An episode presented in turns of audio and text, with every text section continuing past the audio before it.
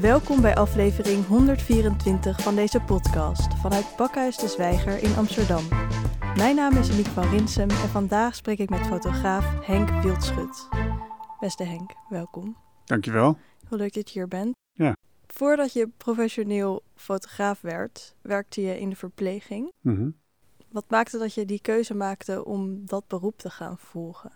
die keuze om eh, de verpleging in te gaan, die had heel erg te maken met mijn, ehm, met mijn achtergrond. Eh, ik ben heel dyslectisch, of tenminste, ik heb er nu veel minder last van dan vroeger. Maar vroeger was het echt bar en boos. Eh, ook omdat ze er toen nog niet eh, echt mee om konden gaan. Toen ik, toen ik jong was. Toen wisten ze eigenlijk niet zo goed wat het was. En ehm, dus ja, dan wil je als jongen, als kind, wil je een, een beroep kiezen waar, waar je gewoon het gevoel van hebt, daar kan ik iets mee bijdragen. Dat was voor mij al- altijd wel een soort van eh, gevoel, wat ik, wat ik heel belangrijk vond. En dus ik wou eigenlijk in een sociaal beroep, eh, dat, dat wist ik al heel zeker. En dat had ook te maken met de school waar ik op zat. En dat was, ik zat op een, eh, een, een school voor moeilijk lerende en moeilijk opvoedbare kinderen. Maar die school die werd eigenlijk alleen maar bevolkt door kinderen die moeilijk opvoedbaar waren. En een paar die moeilijk konden leren, waaronder ik en een ander jongetje. Dus ik was als kind al ehm, behoorlijk ehm, ehm, bekend met problemen. En, eh, en die vond ik, eh, dat vond ik eh, eigenlijk heel erg interessant. Ik denk dat daar ook voor een heel groot deel mijn sociaal geëngageerdheid ontstaan is. Dus ik wil heel graag helpen. Ik wou ook, en dat, dus dat, dat was een reden om, om, om de verpleging in te gaan. Of tenminste voor dat beroep te kiezen. En een ander ding, wat ook heel belangrijk was. Ik was ook wel, ehm, ik wou heel graag de wereld in. En eh, ja, als kind ging ik dan eigenlijk gewoon bedenken: oké, weet je, ik, eh, ik kan geen professor worden en eh, dingen ehm, ehm, onderzoeken in de wereld. Ik kan dit niet, ik kan dat niet, maar ik kan wel verpleegkundige worden. En dan kan ik overal in de wereld werken. En, en, dat, en dat komt weer. Ik ben heel christelijk opgevoed. eh, en in, in, de, in de kerk eh, in die tijd ging het altijd over, over eh, het ontwikkelingswerk. Nou, en dat en Afrika en Azië. En, dus ik wou eigenlijk ontwikkelingswerker worden, maar dan verpleegkundige. Artsen Go- zonder grenzen-achtig Dat, beelden. ja, dat, maar de- de- ja, dat bestond toen ook al, tenminste toen ik de verpleging inging. Ja, dus dat, die kant wou ik eigenlijk op. Ja, en dus op zo'n school waar je dus in een klas zat met voornamelijk moeilijk opvoedbare kinderen, wat was dan het verschil wat je merkte tussen moeilijk lerende en moeilijk opvoedbare kinderen? Mhm. Hoe begreep jij die kinderen dan? Of, en zag je ook misschien hoe zij bekeken werden door andere mensen? Ik zat eigenlijk eh, op die school, zat ik, voelde ik eigenlijk altijd dat ik een buitenstaander was. Eh, en dus, eh, en dus ik, ik keek ernaar en ik voelde me, eh, ik was een onderdeel daarvan, maar ik voelde me niet, ik voel, dat, dat, dat voelde ik niet. Ik voelde altijd dat ik gewoon, dat ik er niet echt bij hoorde of bij kon. Of weet je, dus dat, dat, dat, dat, ehm, dat was heel, heel eenzaam. Dat je gewoon het gevoel hebt van, ik hoor hier niet, maar ik moet hier zijn. En ehm, dus dat onderscheid. Ik had het gevoel dat iedereen eigenlijk een beetje los stond daar. Weet je, iedereen was alleen maar met zichzelf bezig in die, in, in- op die school. Dat, En, en want jij zegt toch ook dat dat deels ook jou sociaal geëngageerd heeft, heeft aangewakkerd. Maar Mhm. als jij dus eigenlijk niet verbonden voelde met die groep of die kinderen of die school, wat maakte dan dat je juist sociaal geëngageerd daarvan werd? Want je zou ook dus als een soort reactie kunnen denken: oh, ik hoef nooit meer iets met probleem, problemen te maken te hebben in de maatschappij. Ja, omdat ik het eh, waarschijnlijk wel heel, heel fascinerend vond wat daar gebeur- gebeurde. Ik was toen eh, gewoon eigenlijk ook al min of meer in staat om dingen van een afstand te bekijken. En dat, dat wordt straks denk ik een brug naar waar we het ook over gaan hebben. Want eh, zeg maar die, daar is wel de wortel eh, gelegd voor, voor de manier waar ik naar de wereld voor, eh, kijk, denk ik. Ja, Eh, juist omdat je daar niet in paste, dat je een soort van kon aanschouwen wat, wat er gebeurde en hoe dat ja. in zijn werk ging op Ja. die school. Ja, kijk, die, dat, dat is eigenlijk. eh, ja, we springen gelijk flink in het diepe natuurlijk. Maar dat is wel waar het, waar het naar mijn idee allemaal eh, bij mij om draait of om begonnen is. Is dat eh, het gevoel dat je nergens bij hoort. Dat herken ik in heel veel andere eh, zaken. Dus voor, mij is dat een, eh, ja, ook wel een last. Eh, maar ik ben daar in mijn werk als fotograaf ben ik daar altijd naar op zoek gegaan. Naar, naar andere situaties en mensen die tussen wal en schip vallen. Of die, eh, die tussen eh, de, in de mangel eh, terechtkomen. En dat, kan, dat, daar, dat is eigenlijk altijd de kern van, van waar mijn werk over draait. Of het nou over de voedselindustrie gaat, of over vluchtelingen, of over ehm, eh, eh, mensen die op een schip eh, ehm, eh, vastzitten in de Amsterdamse haven. Het is niet dat ik daar bewust naar kies, en dat het maar, maar het is eigenlijk gewoon een soort van aantrekkingskracht. En elke keer denk ik van, ah shit, daar, daar, daar, ben ik weer, weet je wel. Dus dat, eh, ehm, ja, dat is eigenlijk continu de... de Heel interessant. En als je dan toch zou moeten proberen te voelen waar die aantrekkingskracht dan zit. Wat voor gevoel of wat voor aantrekkingskracht voel je dan, waardoor je dus die, die onderwerpen vindt? Ik zat daar laatst, was ik, was ik, eh, was ik met iemand aan het praten eh, in, zo'n onderwerp, een, boer. En, eh, en die, die, die vertelde me dus hoe, hoe moeilijk hij dat vond. Dus dat, dat hij eh, gelooft ergens in en de hele wereld kijkt naar hem. En die, hij heeft het gevoel dat hij niet begrepen werd, wordt. En ehm, dan, dan, dan voel ik een soort van verbondenheid met dat gevoel. Weet je, dat je, dat je eigenlijk boos bent over het feit van jullie snappen het niet of zo. Dat, dat gevoel, daar ehm, Ga je op aan? ga ik op aan, ja. Ja. Dan kan ik in meegaan. En dan wil ik eigenlijk, zeg maar, en dat, en dat, dat is dan iets wat ik, ehm, waardoor die interesse in zo'n onderwerp ontstaat. En denk, en denk je dat je in elk onderwerp die invalshoek kunt vinden? Of dat het bepaalde onderwerpen zijn met die invalshoek die jij dan opzoekt? Ja, dat. En als, als, ik, als ik hem niet kan vinden, dan ben ik al heel snel niet meer zo geïnteresseerd. Heb je dat wel eens meegemaakt? Nou ja, ik onderzoek natuurlijk heel veel onderwerpen om te, om te kijken naar ehm, eh, of dat iets voor mij is. Maar het is, het, ik kom heel vaak toch wel weer op uit. Ja, precies. Dus eigenlijk misschien die andere hypothese. Nee, maar, nee, nee, maar dat is, dat is ook, dat, dat is namelijk ook omdat, zeg maar, dat gevoel van, het gevoel van de buitenstaander of het gevoel, van ergens naar kijken, daar, daar zit een soort van dwarsigheid in. En dat is namelijk een andere laag. Ehm, eh, ik, ik wil eigenlijk altijd gewoon dwars kunnen kijken. Wat bedoel je daar precies mee? Nou, eh, nou, bijvoorbeeld dus als je het hebt over voedsel. Dus ik begon in eerste instantie toen. Dus ik heb een serie gemaakt voor het Rijksmuseum ongeveer tien jaar geleden over de eh, Nederlandse voedselindustrie. En eh, die, eh, die, die opdracht die kreeg ik. En, eh, en in, in volledige vrijheid. Dus ik, en, zij, en volgens mij had het Rijksmuseum, toen ze mij die opdracht gaven, eigenlijk een beetje in gedachte dat ik zeg maar, de stand van zaken op dit moment zou gaan fotograferen. Of tien jaar geleden. En dat ik uit zou komen bij heel veel van die eh, lokale marktjes, weet je wel. En van die kleine nieuwe initiatiefjes en dat soort dingen. Maar toen, eh, en in- toen ik daarmee begon met denken over dat onderwerp, toen in eerste instantie dacht ik van, ik ga nou de wereld laten zien hoe vreselijk slecht het allemaal is eh, met, gesteld met de voedselindustrie. En dat het verwerpelijk is en slecht voor onze gezondheid, en slecht voor de dieren. Nou, de hele riedel, je kunt het zo uittekenen. Mhm. Toen dacht ik, ja, iedereen denkt al zo. Weet je, hoe interessant is dat dan dat ik dat nog een keertje ga be- be- be- be- bekrachtigen? Ja, want je kan ook gelijk beelden voor je zien Ja, van dus massa dat- slachthuizen. Ja, dat nou, is echt, eh, dat is al, al duizend keer verteld en het wordt gewoon continu herkoud. een beetje platgeslagen. Ja, dus toen dacht ik van ja, eh, misschien is het leuk om eens een keer van de andere kant te bekijken.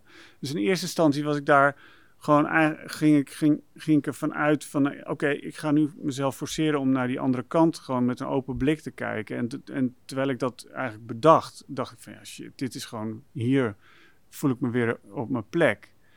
Dus dat was zeg maar dat tegendraadse, eh, het, het bewuste opzoeken van die andere kant En wat was dan toen die andere kant daarvan? ik heb dan een aantal pijlers daarin. Ja, ik ben nu eigenlijk geneigd om weer een paar stappen terug te gaan naar, Ja, waar, naar de, oorsprong. Dat mag, mag, dat of ja, niet? Ja? Dus eh, hou dit even vast. We komen hier straks echt weer terug. ik beloof het je.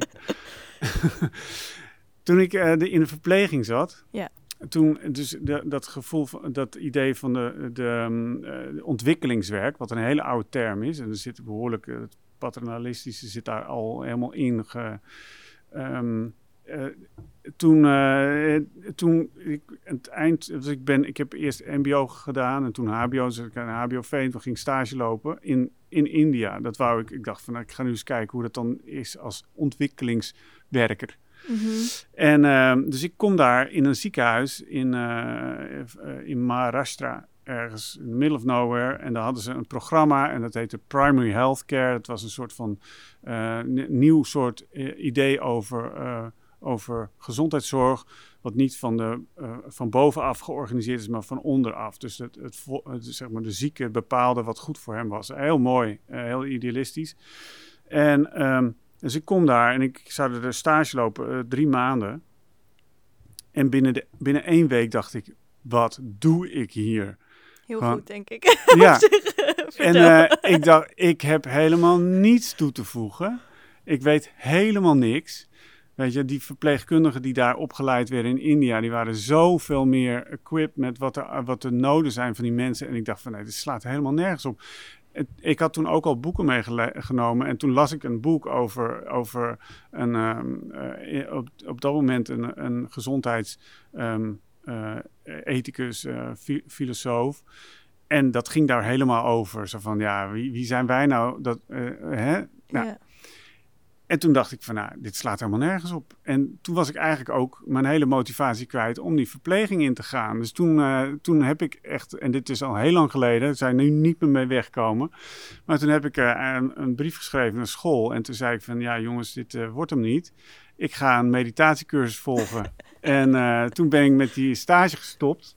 En uh, toen heb ik gezegd, het is volgens mij veel beter voor mijn ontwikkeling als ik ga rondreizen. En toen ben ik gaan rondreizen. En toen kwam ik terug, had ik wel een probleem natuurlijk met die, uh, met die opleiding. Maar toen kwam ik er dus achter dat, um, dat zeg maar die, uh, die, die manier van kijken, of die, dat, dat het, wat ik eigenlijk altijd had gedacht dat het niet meer kon. Nou, dus dat en... Uh, Sorry, die manier van kijken, die kon niet meer. Welke manier van kijken? Nou, op die manier naar de wereld kijken. Van, ik, wij, ik weet het beter, weet je. Um, uh, uh, ik kan wat toevoegen. Dus verpleging, dat, dat was voorbij. Maar, dus die, dus... maar op zich, je kan nog steeds wel iets toevoegen als ver, verpleger, als verpleegkundige.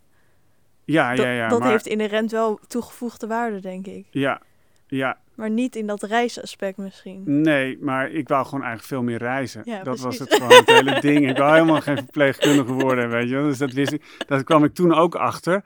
Maar ik, het, zeg maar dat, dat idee, dat, idee dat, dat, je, dat je gewoon, dat, dat er een witte man komt uit Nederland en die het allemaal, eh, die, die daar gewoon denkt dat hij dat, dat hij iets, nou ja, dat, dat zag ik gewoon niet meer gebeuren. Uh, dus de arts zonder grenzen, dat zat, zat er voor mij uh, ook niet meer in. Uh, goed, dus nu, uh, dat, dat zeg maar, dat is een hele belangrijke ervaring voor mij. Weet je, dus dat ehm, eh, om op die manier ehm, naar de wereld te kijken. dus dat is eigenlijk echt ook een hele, echt een basiservaring geworden. Dus die, zeg maar, dat, dat, dat op het moment dat je dat dus terugneemt, dus we komen weer terug bij de voedselindustrie. Um, dus als ik dan terugkom naar de voedselindustrie, um, zeg maar die, die ervaring die ik had opgedaan tijdens het reizen in India, dat is, dat is echt maar altijd iets dat, um, dat ik meeneem in, in het be, uh, benaderen van onderwerpen. Dus zeg maar, ik probeer alles globaal te bekijken en niet lokaal. Dat is heel belangrijk. Dus op het moment dat je het dan hebt over, over de Nederlandse voedselindustrie, dan zie ik dat eigenlijk ook meer uh, in, in, in, zijn globa in de globaliteit van, van voedselproductie voor de wereld. Voor, ook voor mensen in India en in arme landen. Um, en dan doen wij het eigenlijk heel erg goed. Dus op het moment dat je naar, naar die Nederlandse voedselindustrie uh, op die manier kijkt, dan is er eigenlijk, er zijn er, zitten er heel veel hele goede dingen aan. En um, dus dat, dat vind ik een hele, uh, een hele interessante uh, manier van naar, uh, naar dit onderwerp kijken. Maar ook een heel irritante manier op het moment dat je dus andere mensen hoort praten over lokaal en alleen maar voor onszelf. En, en dan, ja, ik word daar soms heel giftig van. Omdat ik denk van ja, weet je, zo simpel is het allemaal niet. We kunnen niet gewoon zeggen, we, we leven hier op een stuk grond in, in wat een van de vruchtbaarste eh, gebieden is met een, een, een, absoluut een ideaal klimaat om heel veel, andere, heel veel producten uh, te verbouwen. En in andere plekken in de wereld hebben ze dat allemaal niet. Weet je? En dan gaan wij zeggen: nee, we maken van, van Nederland een soort van hobbyboerderij. En de rest van de wereld kan de kleren krijgen. Weet je? Ja, dat gaat er bij mij gewoon niet in. Dus ik denk van, zo kunnen we dus daar, hier met dit onderwerp niet omgaan. Ja. Dat is, dat is zeg maar, en dat komt dus voort uh, uh, dus, uh, gewoon van die, die, die beslissingen die ik in die jonge vormende jaren heb gemaakt. Ik vroeg me ook af, want jouw eigenlijk droom viel een beetje in duigen in, in India, als ik het zo hoor. Van hè, shit, ik, ik kan niet echt iets toevoegen als ik maar als... Nee, ik was, heel, ik was heel vroeg woke. ja, inderdaad. maar je moest het wel even worden op die reis, toch? Je was het niet voordat je naar India ging? Nee, nee. En, maar ik vroeg me dus af, heb je dan het idee dat je met fotografie wel iets kon toevoegen als je dan ja. zou reizen? Ja. En, en wat maakt dat dan voor jou uh, woke-proof? Nou, nou, ik heb ook heel veel unwoke foto's gemaakt. Echt, uh, in, zeker in, die, in de beginperiode. Dus je was niet zo heel vroeg woke? Nee, maar in dit opzicht dan wel. okay. Weet je, dus dat ik dacht van, ik kan niks toevoegen. Nee, maar ik heb, uh, zeg maar, dus ik, ik, ben toen, ik ben toen uh, uh, woke geworden dat ik geen, geen verpleegkundige zou moeten worden, maar dat ik een, een fotograaf zou, zou gaan worden. En toen heb ik mezelf de tijd gegeven, een paar jaar, om dat zonder academie te doen. Toen ben ik weer teruggegaan naar India. Um, en met mijn uh, toenmalig vriendinnetje hebben, hebben we rondgereisd. En toen had ik, toen, had ik eigenlijk me voorgenomen van... ik ga een soort toelatings... Um, portfolio. portfolio fotograferen voor de academie. En daar heb ik behoorlijk unwoke werk gemaakt. in de zin, toch ook wel weer heel interessant. Ik vind het nog steeds best wel goed werk eigenlijk. Wat voor ik, werk? Nou, ik had een doek meegenomen. Een, een had ik gekocht, een sari. Dus een hele dunne, hele dunne stof waar je doorheen kon kijken. Welke kleur? Uh, dat was uh, een beetje gelig, maar het was zwart-wit fotografie. Oké. Okay. Dus dat zie je niet. Maar dat, en die doek die hing ik dan op allemaal plekken op. Um, en dan uh, zet ik de camera neer op statief en dan ging ik wachten wat er gebeurde. En dan nodigde ik mensen uit om zichzelf te laten zien. Dus eigenlijk om zichzelf te, uh, te positioneren en dan uh, trots, weet je wel, dit ben ik en ik zo zie ik eruit, maar ik ging ze niet helemaal isoleren van de achtergrond. Door, je kon er wel doorheen kijken. Dus ik maakte een, hmm. ik, ik, creëerde eigenlijk een theater waar mensen zichzelf aan mij en aan de wereld konden laten zien. En dat, uh, nou, dat was, dat was heel, ja, heel interessant. Dat vind ik nog steeds. En wat vind je daar nog steeds interessant aan? Nou, ik vind het nu, ik, ik, ik vind het nog steeds interessant omdat het gewoon een, dat, dat aspect van dat je bewust bent van, van de fotografie en dat het een wederzijds ding is. Dus dat ik mensen uitnodigde uh, zonder uh, daar heel veel toestanden bij te doen, maar zo van nou, dit is een theater, wil je jezelf laten zien? Nu kun je afvragen, aan wie dan en waarom dan? Weet je wel, maar toen was het gewoon, ja, ik vond het een heel, heel mooi, mooie vorm.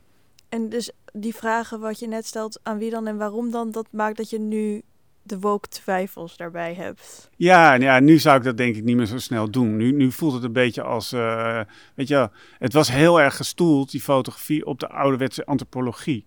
Nou, daar is natuurlijk echt, uh, die, die, zijn in sommige aspecten gierend uit de bocht gevlogen uh, in, in, in, in de geschiedenis natuurlijk. En, dit... en waarom voor de luisteraars die niet bekend zijn met de antropologie? Nou ja, dat, zeg maar, dat, dat waren natuurlijk wel fotografen of, en wetenschappers die gewoon, uh, gewoon de, de, uh, de bosjesmannen en de, de, de mensen in de, in, in de uh, contraien of de landerijen en de, de ja, hoe zeg je dat? Exotiseren? Ja, de exotisering, maar ook gewoon, er werden toen, zeg maar, de schedelmetingen en dat soort dingen, dat komt daar allemaal vandaan, weet je wel. Dus het is niet dat ik, uh, dat ik schedel ging meten, bij wijze van spreken, maar mm -hmm. het heeft er wel, de, het, het hangt, zeg maar, die manier van naar de wereld kijken, hangt er, uh, zit daar wel een beetje aan vast. Mm -hmm. He, dus je gaat gewoon kijken van, kijk, dit zijn mensen die hebben, hebben een geit of die hebben...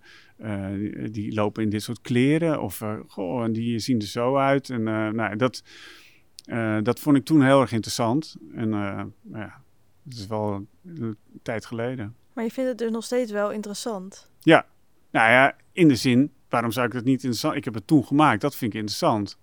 Oké. Daar hoef ik me nu echt niet voor te gaan schamen of zo. Dat vind ik echt onzin. Het is ook helemaal niks om voor te schamen. Het is gewoon goed werk, alleen in die tijd. Ik zou het nu niet meer zo snel doen. Wat zou je dan nu doen? Wat ik aan deze tijd heel interessant vind, is dat eh, door corona, ik hoop het tenminste, dat fotografen in Afrika en in Azië nu eindelijk de kans krijgen om een, in het Westen gezien te worden. Omdat heel veel fotografen gewoon die kant niet meer op kunnen. Weet je wel? Dus Mhm. alle, alle fotografen die voor NGO's werkten al die tijd, Mhm. die kunnen, die, ze- dus NGO's, als ze nu beeld willen hebben van de lokale situatie, zullen ze lokale fotografen moeten vragen. Want ze kunnen bijna niet meer eh, Nederlandse of eh, Europese fotografen die kant opsturen. Nou, dat vind ik een heel interessante ontwikkeling. Omdat ik denk dat dat heel erg nodig is. Het is echt van de zotte dat dat nog steeds gebeurt. Ja, dat de winnaars op bepaalde werelddelen vaak niet daar vandaan komen. Ja. Maar je bent dus, je wilde dus verpleger worden om te gaan reizen en toen fotograaf om te gaan reizen, maar nu misschien wil je Ja. helemaal niet meer reizen als fotograaf. Nou, ik zou heel graag wel willen reizen, ja. Maar, nee, maar nee, ik denk dat ik nog steeds... Ik, ben er, ik denk dat ik nog steeds wel wat kan toevoegen ehm, als fotograferende reiziger. Ehm, Fotograferende mens. als fotograferende mens, ja. Maar ja, het is wel iets om over na te denken. Ja. En op wat voor manier denk je daar dan over na? Nou ja, kijk, nou, het is eigenlijk waar, waarom het wel iets toevoegt. Kijk, ik, wat heel belangrijk is, dat je communiceert voor een doelgroep, je- voor je peers. En dat is echt iets wat. ehm, dus ik ben me heel bewust als ik fotografeer voor wie ik dat doe. En voor wie en, en, en, en wat ik voor communica wat ik wil communiceren daarmee. En eh, ehm, dus op het moment dat ik een foto maak eh, van in een vluchtelingenkamp eh, van een tuintje, dan eh, wat ik dus heb gedaan voor de. Dus ik heb een grote serie gemaakt over, eh, over tuinen in vluchtelingenkampen. En dan eh, en ik maak die foto en die persoon van wie die tuin is, die zou denken van, huh, weet je, waarom maak jij een foto van mijn tuin? Wat is daar nou interessant aan? En op het moment dat je hem naar eh, Nederland meeneemt of naar Europa meeneemt, dan zullen mensen denken van wauw, dat is interessant, weet je wel. eh, want eh, die mensen die hebben ook een tuintje, weet je wel. Ehm, eh, en dan, en dat, dat, is, dat is zeg maar de, de, het effect wat dat heeft. Maar mijn doel daarmee is, is om eigenlijk die brug te slaan tussen die twee verschillende belevingen. En in, door middel van hele heldere nou, door middel van, van een ehm, gedeelde eh, belangstelling. Dus op het moment dat jij thuis komt en je zet bloemen thuis, dan voel je je thuis. Eh, en op het moment dat iemand in een vluchtelingenkamp is en die wil daar zich thuis voelen, dan gaat hij ook een tuintje creëren. En dat is onze gemeenschappelijkheid. En daar ben ik dan naar op zoek. Maar het moment dat je dus dat ik foto's, eh, ik, dat heb ik ook wel eens meegemaakt, dat, die, dat ik die foto's, diezelfde foto's, in een hele andere context te- tentoonstel, eh, waar, waar je die gemeenschappelijkheid niet, eh, waar ik, eh, niet zo duidelijk hebt, dan kan het helemaal spaak lopen. Dan snappen mensen er helemaal niks van. Heb je daar een voorbeeld van? Ja, ik heb, ik heb dus ook een, een grote serie gemaakt over, eh, over behuizing van, eh, van vluchtelingen in de bossen van Calais. hè. De, die eh, serie die heet Shelter. En eh, die serie die is een keer in eh, Lagos in, eh, in Nigeria tentoongesteld.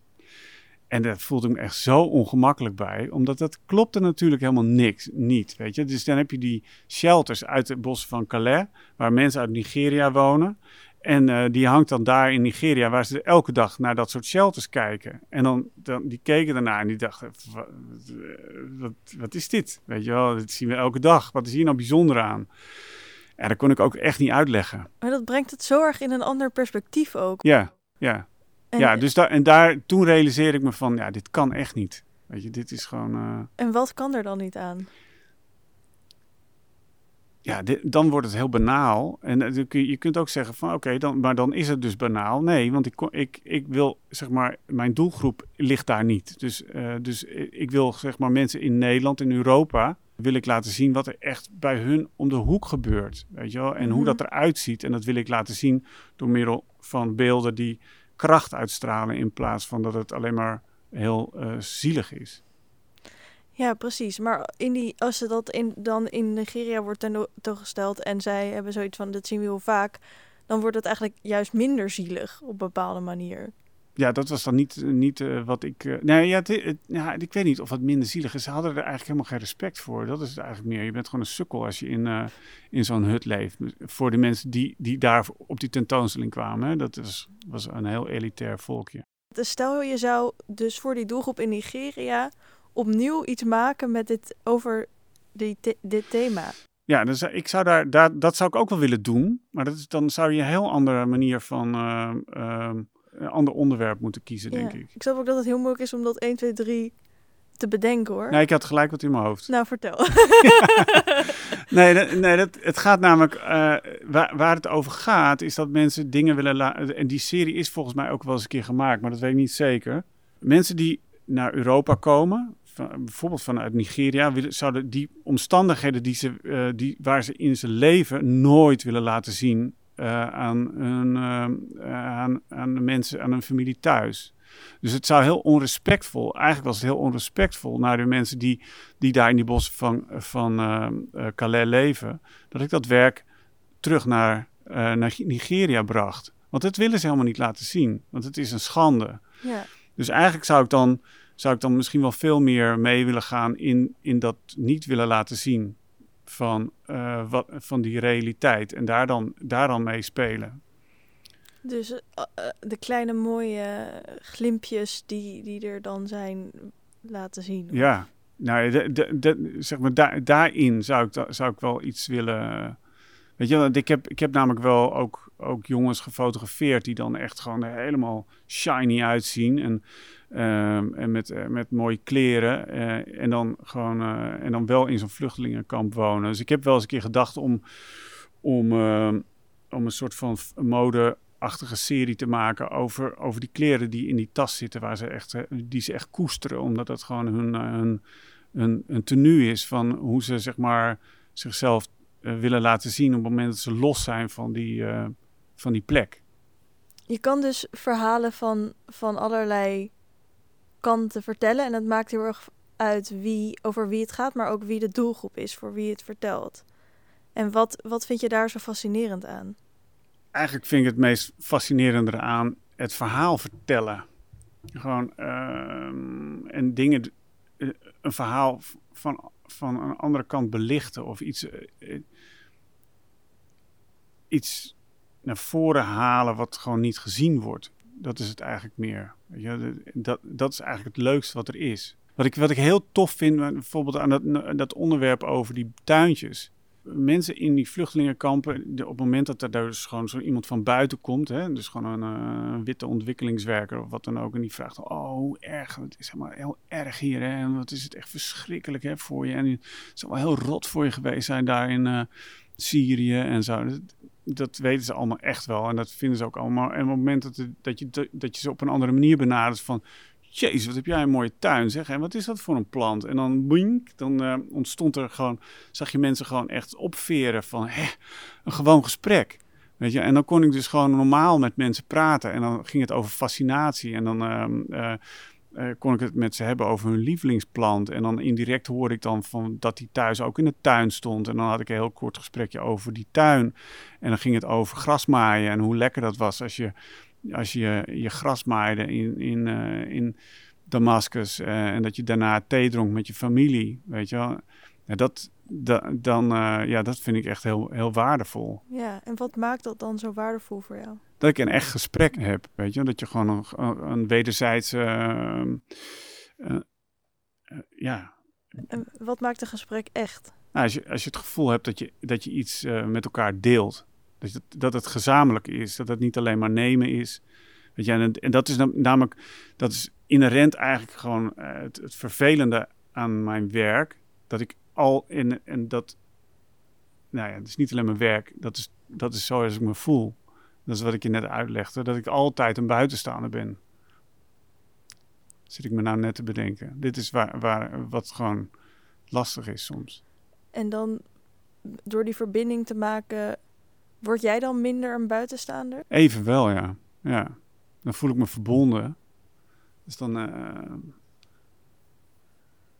Kijk, op het moment dat je naar zo'n vluchtelingenkamp komt, dan loop ik daar en dan ben ik me heel erg bewust van. ehm, ehm, ik begrijp dit niet. Ik, ik kan dit niet begrijpen. Ik wil ook niet pretenderen dat ik het begrijp, want ik ben geen vluchteling. Ik heb gewoon, ehm, ik heb geld, weet je, ik kan naar huis vliegen, ik heb een paspoort, ik heb, ik heb een gezin, eh, ik woon in een plek waar het veilig is. En hoe kan ik me nou, eh, hoe kan ik nou net doen alsof ik jou begrijp? Maar met zo'n tuintje, da- op het moment dat ik het op zoiets bazaals hou, weet je, dan hebben we wel iets. Ja, dus je zoekt ook naar dingen die je zelf begrijpt. Ja, ja, dat is het eigenlijk meer. ja. Weet je nog de eerste keer dat jij een camera oppakte? Oeh, ja, ja, dat weet ik. Vertel. Ja. Graag. Ja, nou, mijn, mijn, mijn opa, die, die, was, eh, die was gefascineerd door fotografie. En eh, mijn vader eigenlijk ook. Dus, die- dus mijn opa, die, die, eh, die had, die had een eh, binnenvaartschip. En die had een, eh, een eigen dokaatje op dat binnenvaartschip. En dat klinkt echt heel idyllisch. Ja, maar dat, dat was het niet. Het was gewoon snoeihard. Maar hij was heel erg gefascineerd door techniek. En hij, hij- dat schip was echt eh, heel klein en heel... eh, hij heeft daar foto's van gemaakt op glas, glasplaten. Ik heb ik allemaal, heb ik allemaal geërfd. En ehm, dat is echt super mooi. Maar nou, dus dat verhaal was er altijd. Van opa die ging fotograferen. En, eh, en, en, die was, en dus de, er waren een aantal van die cameraatjes. En één zo'n cameraatje die kreeg ik. En dat was een, zo'n, zo'n boxje, een, klik, een klikboxje. En eh, die foto, die, eh, de eerste, zo'n beetje de eerste foto die ik maakte, dat was op het schoolkamp toen ik naar de Lomschool ging. Want daar zat ik, moest ik naartoe toen ik niet meer naar de lagere school kon omdat ik te dyslectisch was. Dus dat was de eerste foto. En dat deed ik natuurlijk gewoon omdat ik me er kon verschuilen achter de camera. Dus dat was echt gewoon ja, de cliché eigenlijk. Dus die foto die is ook, eh, dat is, die heb ik ook nog een keer in een tijdschrift eh, laten zien. Dat is, eh, is best wel mooi ook. Die is door een trap, door een ruit gefotografeerd. En je ziet allemaal reflectie en er zit een jongetje uit mijn klas, die zit daar. Ja, dus dat was de eerste foto. Mooi. Ja. En wat was de tweede foto? Ja, dat waren allemaal hele simpele dingen. Dus gewoon, eh, ik, ik vond het klikken van die camera vond ik heel leuk. Dus het waren eigenlijk hele, waren, waren gewoon eigenlijk een soort van eh, snapshot-achtige dingen, heel veel. Maar ik was heel erg bezig met het, ehm, eh, gewoon het vasthouden van dingen. Dus dat was eh, eh, ge- gewoon, eh, ik, ik zag iets en dat wou ik dan fotograferen om niet te vergeten. En dat is eigenlijk nog steeds wat ik doe. Ehm, eh, dus ik fotografeer gewoon ehm, om gewoon dingen voor, de, voor later te bewaren. Ja. En dat zijn, zijn dat dan gelukkige momenten? Vroeger wel. Ja, nu is het mijn werk. Dat is anders. Dus ik, eh, ik krijg thuis enorm veel klachten over de, de- eh, mijn vrouw. Die, die vindt het dan heel raar dat ze dan met een fotograaf is. Maar die, die nooit... Ik maak eigenlijk nooit foto's van de familie. Dat is ook zo gek, weet je. Ik doe het wel, maar niet echt gewoon... Ik doe het gewoon zoals iedereen. Even met de telefoon, zo klik, klik, weet je wel, zo. Maar dat, ja, dus ik, dat heb ik... Dat, dat, dat, dat is voor mij anders. Maar dan is er dus ook iets veranderd in je verhouding naar fotografie. Als, Ja. als dat vroeger helemaal in het begin wel echt over de momenten vasthouden was. En nu niet echt meer. Wat is er dan veranderd? Nou, het is, eh, ja, het is nou wat, eh, wat eh, grotesker geworden of zo, weet je wel. Dus dat, het- ja, Je wil er wel iets mee zeggen. ja, ja, dus het, het moet nu, weet je wel. dus, nou, ik heb dus die serie gemaakt over corona voor het Rijksmuseum. Dan ben ik echt wel bezig met het idee van, oké, dit komt in het archief van het museum. Dat moet ook iets voorstellen. Het moet wel echt gewoon, moet wel een bepaald belang hebben. Je familie heeft geen belang. Wel, maar dat is voor mij, weet je wel. Ik zou ook niet zo snel... eh, eh, ik ben niet van de ego-documenten of zoiets. Dat is niet eh, mijn ding. Dus dat is gewoon voor mij, weet je. Dus ik, ik heb wel, maak wel boekjes van de vakanties. En dat is net zoals iedereen. ja. Maar ja, dat is niet, niks hoogdravends of zo. ja. Nee. En heb je wel eens dat, dat het best wel dat je een beetje een soort moeite hebt om op dat hoogdravende niveau te komen?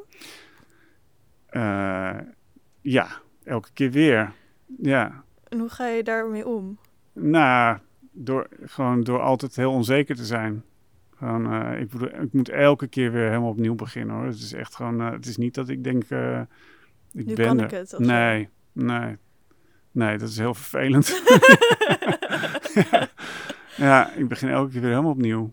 Oké, ja. En dan elke keer als het dan afgerond is, denk ik van, jeetje, oh, ik kan dit geloof ik. Weet je wel, dan ben ik weer helemaal verbaasd. Ja, ja, het dat, gaat wel steeds iets makkelijker, dat wel. dat is ook wel mooi. Ik denk dat als je het te- van tevoren al ehm, zou weten, dan zou je misschien die verbazing achteraf ook niet krijgen. En dat Nee, is ook wat waard. ja, En, en kan je ook, dan weet je ook een beetje in welk gedeelte van het proces je dan denkt, oh ja, nu ben ik wel ergens. Oh, heel laat. Ja, ja ik, heb, ik heb met het corona-verhaal was het voor het eerst dat ik echt heel, dat ik heel ontspannen heb gefotografeerd. En daar heb ik ook over nagedacht, hoe kan dat nou? Ehm, want ik, ik, heb, ik ben altijd wel redelijk ehm, ehm, eh, gespannen, zeg maar. Gewoon of het wel goed wordt. En weet je, dat is, dat, ja, dat is gewoon onzekerheid daarover. Maar met corona was het anders, omdat ik gewoon net als iedereen ook niet wist waar het naartoe zou gaan. Dus je kunt wel denken van ik wil dit vertellen, maar ik wist, ik wist bij God niet wat ik ging vertellen, omdat ik gewoon ook allemaal, alleen maar aan het volgen was. En dat volgen van de, dat vond ik eigenlijk heel, eh, heel prettig. Dus ik hoefde eigenlijk alleen maar gewoon. ehm, eh, gewoon, er was weer een nieuwe, eh, nieuwe zij, zijstraat van corona. Daar ging ik dan ook even kijken. En dan dacht ik van, nou, oké, wat kan ik hier nou eh, mee? En wat, eh, hoe kan ik nou een interessante zijsprong maken? Want ik, pro ik probeerde altijd wel een andere kant van, van het nieuws op te zoeken. Dus ik kon veel meer mijn intuïtie volgen en dingen die ik interessant vond. En, eh, en, en mijn nieuwsgierigheid gewoon eh, heel losjes volgen. En wat is de andere kant van het nieuws? Nou, eh, een voorbeeld daarvan is die lege voetbalstadions. Uh, die vond ik heel. Dit moest, dat wou ik er absoluut erin hebben. Dus ik heb echt mijn best gedaan met de KVB en weet ik veel, Ajax. En uh, het mocht allemaal niet. Uh, dat, kan, dat kan ik nou ook niet uitstaan. Hè? Want ik denk van, hoezo niet? Ja. Weet je wel? Dus, maar goed, dan, loop je daar gewoon tegen een muur aan. En, uh, maar ik wou er wel iets mee met dat fenomeen. En toen uh, zat ik naar, gewoon naar zo'n wedstrijd te kijken. En toen dacht ik van, hè, maar ik hoor gewoon publiek.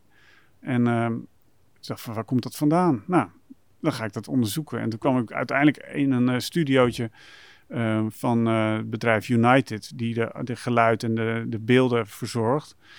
En dan zat dan een, een, een, man en die zat daar gewoon met, een, met zo'n uh, zo'n zo'n keyboardje, gewoon allemaal een nep publiekgeluid er on, on, live onder te mixen. Nou, daar heb ik dan een hele simpele foto van gemaakt. Maar dat vind ik dan heel erg leuk. Ja, het is heel grappig. Ja. Gewoon. Ja. ja. En zo'n foto, die stelt dan helemaal niks voor. En dat maakt niet echt... Dat, dat, dat doe ik dan ook wel eigenlijk... Het is gewoon... Ja, het is gewoon een foto van monitoren en zo'n computertje en that's it. Dat ga je niet boven de, muur, uh, boven de bank hangen. Maar het is wel gewoon een, dat moment. En dat is eigenlijk zeg maar wat ik dus vroeger ook deed. Zo, even zo'n snelle foto van een geluksmomentje. Dat heb ik dan nu van zo'n snelle foto van zo'n ontdekking van zo'n keyboardje. Dat is dan genoeg. Dat is gewoon de registratie van zo ziet het eruit, meer niet. En de kijkers moeten misschien wel even zoeken van wat, wat is ja, dit? ik stel wel hoge eisen aan mijn kijkers. Ja. Dus het, is niet, het zijn geen makkelijke plaatjes die ik maak. Wat, wat vind je ervan? Nou ja, dat vind ik heel belangrijk. Ik, ik, ik, ik vind namelijk dat je niet te makkelijk over beeld moet doen. Ik vind beeld is gewoon, um, dat, daar moet je ook over nadenken. Weet je, het wordt veel te, veel te makkelijk geconsumeerd en dat is niet altijd zo. Weet je, dat, um... Niet altijd of misschien nooit. Nou, het is eigenlijk nooit zo, maar het wordt niet zo gepresenteerd. Weet je, beeld is heel, heel ook in de krant is het is een illustratie, uh, uh, maar het, is veel meer dan dat. Weet je, maar het wordt wel ge, gezien als een illustratie. Maar zonder dat beeld zou je bepaalde teksten gewoon heel anders lezen of, of minder aantrekkelijk zijn. Maar, het is, maar een beeld is gewoon veel krachtiger dan alleen maar iets waar je naar kijkt en, en, voor vanzelfsprekend aanneemt. Dus op het moment dat je een foto maakt die gewoon eigenlijk dat je denkt van, hè, waar kijk ik nou naar? Wat is dit voor een rare foto? Dan heb je mensen alweer iets langer, omdat ik het dan wel presenteer als een beeld wat dan ook nog in het Rijksmuseum hangt. En dan denken mensen van, oh, dat zou wel wat zijn. Weet ja, je wel? Het zal wel iets betekenen. Het zal wel iets betekenen. Ja, en, dan, uh, dan, en, en dat, daar wil ik eigenlijk naartoe. En betekent jouw werk altijd iets? Ja. en heeft wer jouw werk altijd meerdere betekenissen of heeft het soms ook gewoon één betekenis? Uh, In Nou, jouw ik- ogen dan? Nou ja, kijk, het, is niet dat ik dan rondloop met die camera en dat ik denk van, oh, dit eh, gewoon even checken, een checklist van, oh, die betekent, die bet- dat ma dan maak ik die foto. Nee, het is meer dat op het moment dat ik, dat ik hem heb geselecteerd, ga ik erover nadenken of dan, eh, dat, eh, of ik praat er met mensen over en dan krijgt zo'n foto opeens een, een lading die ik soms zelf helemaal niet op dat moment had bedacht, maar puur door de eh, door de, um, de edit of de, de manier hoe je dingen naast elkaar legt, ehm, ehm, eh, krijgt het een bepaalde betekenis. In, in hoeverre is esthetiek daarin voor jou belangrijk? Heel belangrijk. Ja. Dat, want esthetiek is, is zeg maar de brug naar eh, de kijker toe. Dus eh, op het moment dat je gewoon een lelijke foto maakt, ja, dat klinkt heel stom, maar Het want komt niet binnen. er komt het niet binnen. Ja, of het moet lelijk zijn op, op een weer een Op een goede, ja, dat, en daar Ja. schaar ik me heel veel van mijn foto's onder. ja. Gewoon, eh, ik, mijn, mijn foto's zijn niet per definitie mooi. Weet je wel, of, maar ze moeten wel, voor mij moeten ze wel een soort van, dat, ja, ik noem dat een soort van monumentaal zijn. Weet je, er mogen geen dingen in storen. Dus ik, ik bedoel, ik haal ook wel eens uit de voorgrond bepaalde storende plastic zakjes weg of zo. Puur omdat je anders gewoon leidt dat af en dan moet het gewoon een soort van, ehm, het moet gewoon een monumentaal beeld zijn. En dan kun je gewoon wegkomen met hele rare onderwerpen. Die je, maar als ze wel goed gefotografeerd zijn. Je voorbeeld van zo'n raar onderwerp? Ik heb een foto gemaakt van het O- OMT. Dus ik kreeg de toegang tot, eh, tot het OMT. Ehm, en dat was heel bijzonder, want er ze hadden eigenlijk nog nooit iemand toegelaten. Volgens mij één keer iemand van de Icon. En ik mocht dan een foto maken. En daar, heb je, daar ben ik best lang mee bezig geweest. Echt eh, vier maanden of zo, voordat het eindelijk rond was. Niet dat ze niet wouden hoor, want ze, wa ze waren er echt, eh, stonden er open voor. Ook omdat je dus, ze wisten ook, het komt in het Rijksmuseum en eh, geschiedenis. Alleen de, tijd, dat was het probleem. Dus uiteindelijk mocht ik dan fotograferen. En ik had voor, vooraf van de vergadering, en het was de vergadering dat ze de avondklok gingen bespreken. Dus het, er zat nogal wat belang achter. En ik kom binnen, eh, zet mijn flitser neer en ik maak een foto. En dat is gewoon een lelijke foto. Maar dat eh, in de zin van, weet je, eh, Wat gewoon... is er op te zien op de foto? Nou, en, en gewoon een lelijk kantoor, weet je wel. of eh, gewoon met die systeemplafond en een aantal tafels aan elkaar en een monitor aan de achterkant. En, en, en alle leden van het OMT die daar aanwezig waren, die staan er met, een, met de zijkant van hun hoofd op. Dus niemand kijkt eigenlijk in de lens. Of je ziet, je ziet daar Van Dissel zijn hoofd niet eens. Je ziet zijn, zijn hoofd, maar zijn gezicht niet. En dat, dat heb ik eigenlijk bewust gedaan, omdat ik gewoon, eh, ik wou gewoon, eh, gewoon laten zien, dit is het, meer is het niet. De banaliteit. De banaliteit van de realiteit, eigenlijk zo ziet het eruit. We kunnen, ik kan er, kan er dan iets heel fancy's van maken, of iedereen eh, laten poseren, maar dat wou ik absoluut niet. Dus het was echt een hele bewuste keuze om die foto eigenlijk zo, zo knullig mogelijk te maken. Echt zo bats boom, gewoon that's it. Zit er voor jou ook een banaliteit in de coronacrisis aan zich?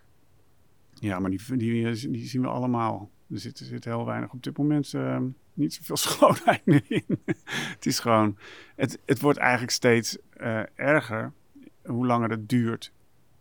Ik las vandaag een heel goed stuk van Sam, Sander Schimmelpenning. Heb je het gelezen of niet? Nee. Ja. Dat, ging, dat, ging, dat, dat ging over ontkenners. Het, eh, dat, ik haalde daar eigenlijk een beetje uit. eh, dat, omdat we allemaal dachten van het duurt allemaal niet zo lang. Konden heel veel mensen denken van... ehm, eh, eh, ik, weet- ik hoef me niet te laten vaccineren. Eh, ik kan lekker tegen zijn. Met, maar toch het idee van het duurt allemaal niet zo lang. Dus ik kan al deze onzin roepen. Weet je wel. ehm, maar nu duurt het langer en langer. En gaan alle mensen die niet gevaccineerd zijn straks voor de bijl. Omdat, omdat dat eh, een, nieuwe vaccin of de nieuwe varianten ja. eraan zit te komen. Dus nu moeten, moeten een aantal mensen gewoon, eh, bij wijze van spreken, vluchten naar Portugal om hun verhaal hoog te kunnen houden. Dus die, die rennen allemaal weg. Weet je wel, nou, dat, dat is een beetje de strekking van dit. eh, van dit Want in Portugal is geen nieuwe nou ja, als je daar echt in de landerijen, eh, dan, dan kun je, dan kun je zeg maar ontkennen wat die realiteit op dit moment is. Dus het duurt gewoon heel lang. Dus de rek is er gewoon aan alle kanten uit. En dat, ja, ja. Maar er zitten natuurlijk wel, er zitten ook wel mooie dingen in. Maar ja, ik, ik, eh, vandaag heb ik dat even dat gevoel niet zo.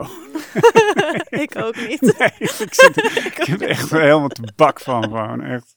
Ja. Laten we het eh, dan even gewoon over iets anders hebben. Alsjeblieft, ja. Ehm, ik vroeg me af, heb jij een eigen favoriete project van jezelf? Het hoeft misschien niet de favoriete aller tijden te zijn, want daar li- ligt misschien iets te veel druk op. Ik denk dat het verhaal wat ik heb gemaakt over Ville de Calais, dat dat wel echt een heel erg belangrijk ding is. Omdat het helemaal rond was eigenlijk. Ik, ehm, ik, ik liep al bijna tien jaar in Calais rond. Met, ik ben begonnen in 2005 met eh, shelter, dus ik kende die problematiek heel erg. En toen was ik er een paar jaar niet zoveel geweest. Want omdat- hoe is dat toen ontstaan, dat shelterproject? Heel kort. eh, ik, eh, ik had in 2005 had ik een opdracht voor Artsen zonder Grenzen. Ja, daar was hij, maar niet als verpleegkundige, maar als fotograaf. En ik moest daar een serie maken over een, eh, een, een man die de held van, eh, van Artsen zonder Grenzen, die was in het aardbevingsgebied in Pakistan.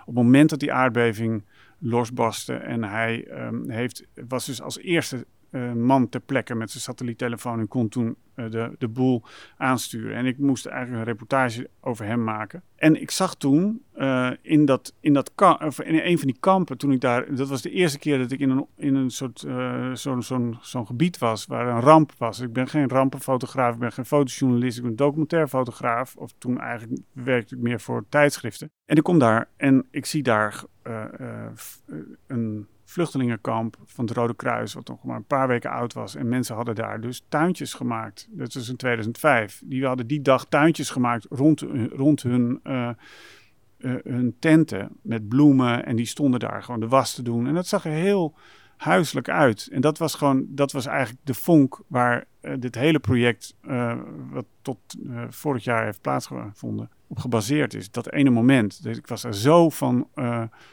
ontdaan, wat ik zag, omdat het zo tegen, ehm, tegen dat hele idee. eh, nou, ook komen we weer, toch weer terug bij die, die, dat, dat moment in India.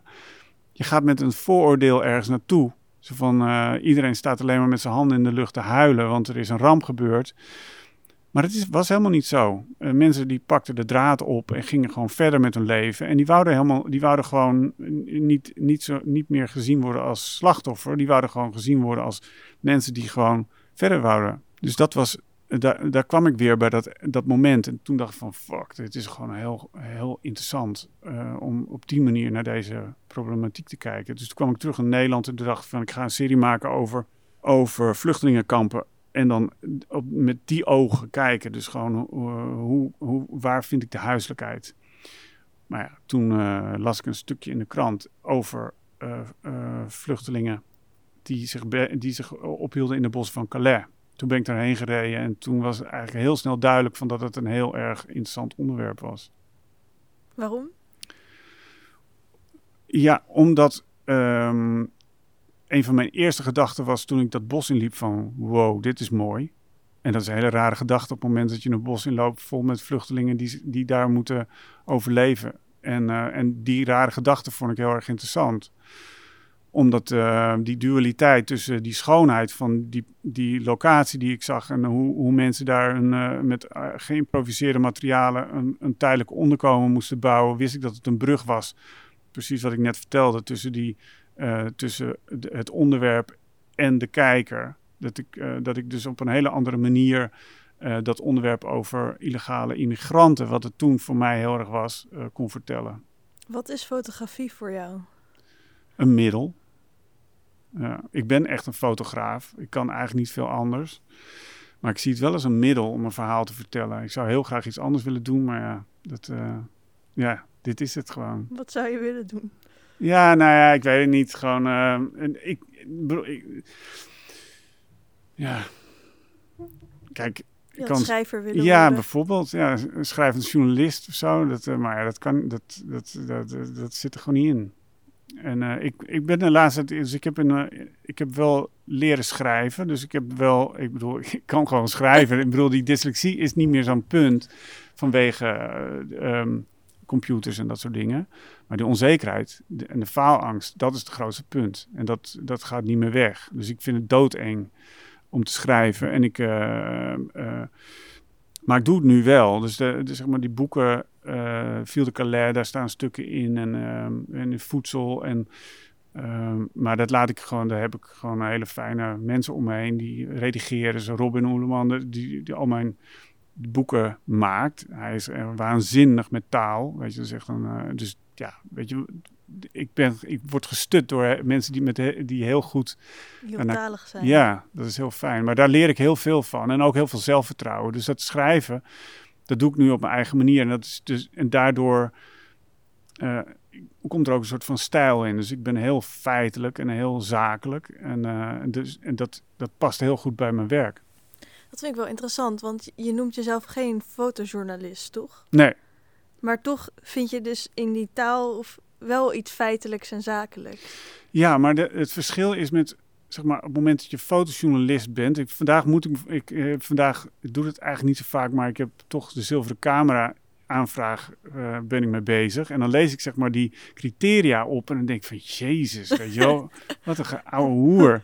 Weet je, wat je allemaal niet mag. Weet je wel, dat, hoe, hoe, hoe netjes het allemaal moet. En je mag, niet, eh, je mag helemaal niks. Je mag geen stofje wegretoucheren, omdat het gewoon uh, de, de integriteit van het beeld aanschaadt. Ik denk, ja, ik, in mijn hoofd is het, wat nou integriteit van het beeld, weet je wel?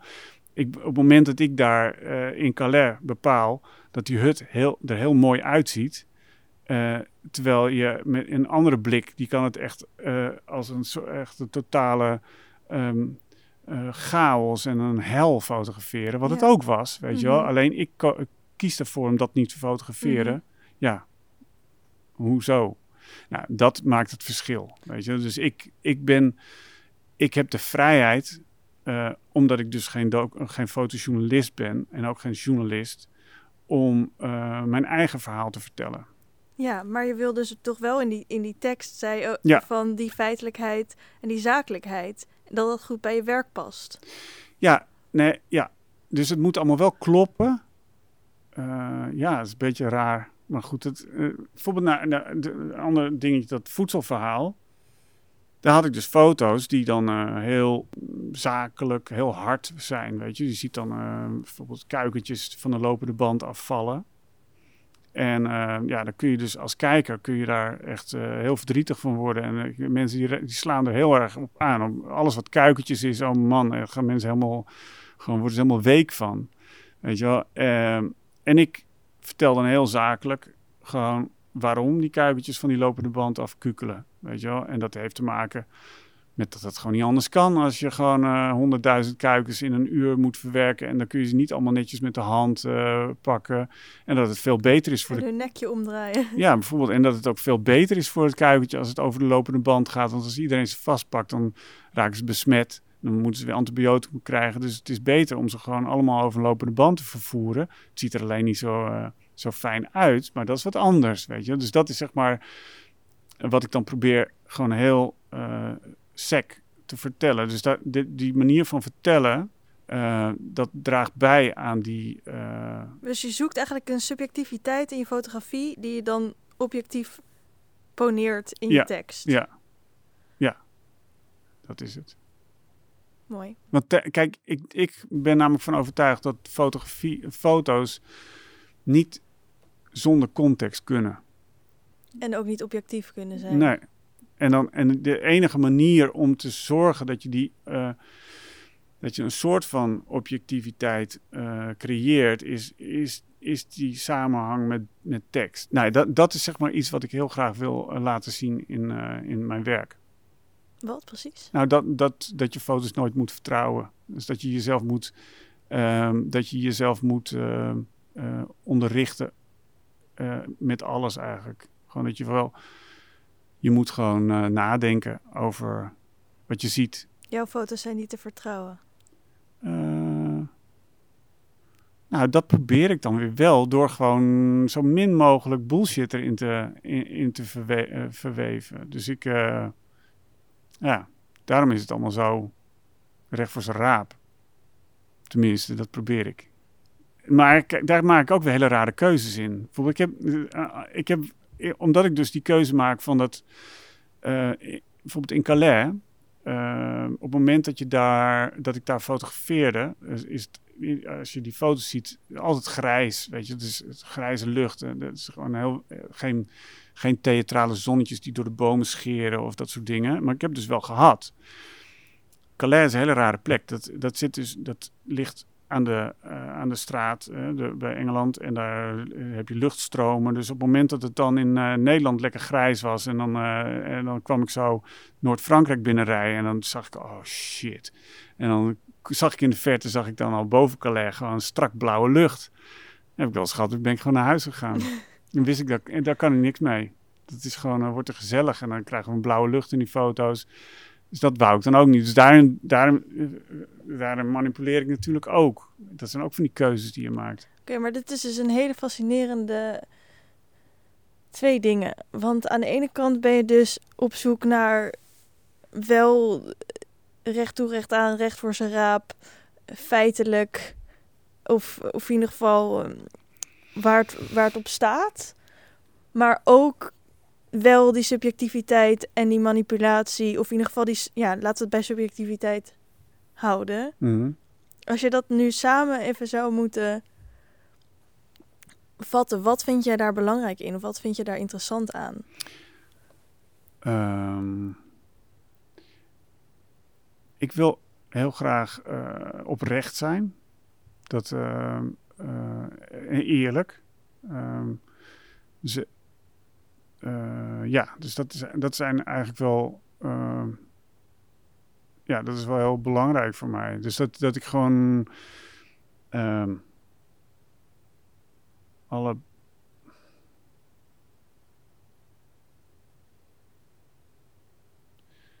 ja, ik, de, zeg maar de, de nuance, het grijze gebied, zeg maar, dat, zijn de, de uh, en de, dat zijn de dingen waar het, waar het mij om draait. En ik, ik heb het uh, gevoel dat het, daar, dat het daarin zit. Dus door, door een soort van die hele bewuste keuzes uh, van het standpunt en van hoe je dingen laat zien. Ja, want oprechtheid is wel, daar zit inderdaad zowel subjectiviteit als recht voor zijn raap aan. Ja. En dat was eigenlijk, de, als we dan, als ik een klein sprongetje naar achter maak in het gesprek over die foto's van die mensen die daar voor het doek stonden, daar zat dat ook in. Want ik wou ze niet isoleren van hun achtergrond, dus ik wou wel laten zien van waar ze vandaan kwamen en hoe dat eruit zag. Um, dat vond ik toen ook heel belangrijk. Dus daarom vind ik die foto's nog steeds interessant. Omdat het wel, er zat wel, in ieder geval, ik probeerde gewoon zo uh, bewust mogelijk en oprecht mogelijk te zijn naar die mensen toe ook. Weet je, dus dat je een soort van laat zien, ik portretteer ze, maar wel bewust zijnde van waar ik ben of zo. Ja, en waar zij zijn ook. En waar zij zijn. Ja. Dus ik isoleer ze. Uh, dus ik creëer een, een situatie, heel bewust. Weet je, ik, ik fotografeer, fotografeerde toen ook al altijd op een statief, dat doe ik nog steeds.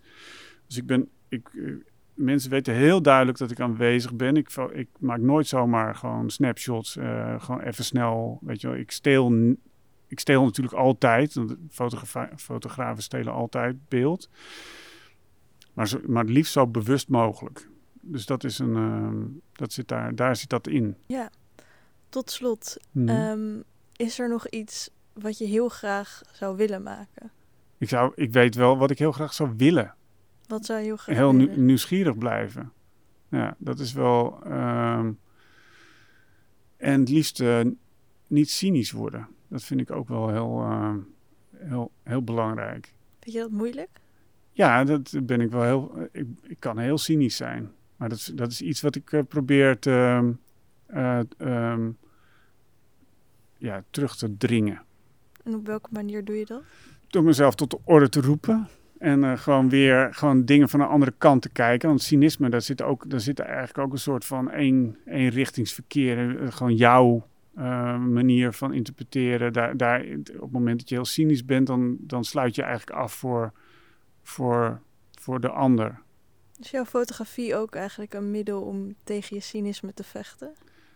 Ja, de onderwerpen die ik uitkies, die gaan steeds meer in de richting van de dingen waar ik cynisch van kan worden of waar ik bang voor ben. Weet je wel? Dus uh, die wil ik onderzoeken. Dus dat, het is voor mij een middel om, uh, om de hoop erin te houden en om gewoon de wereld te begrijpen.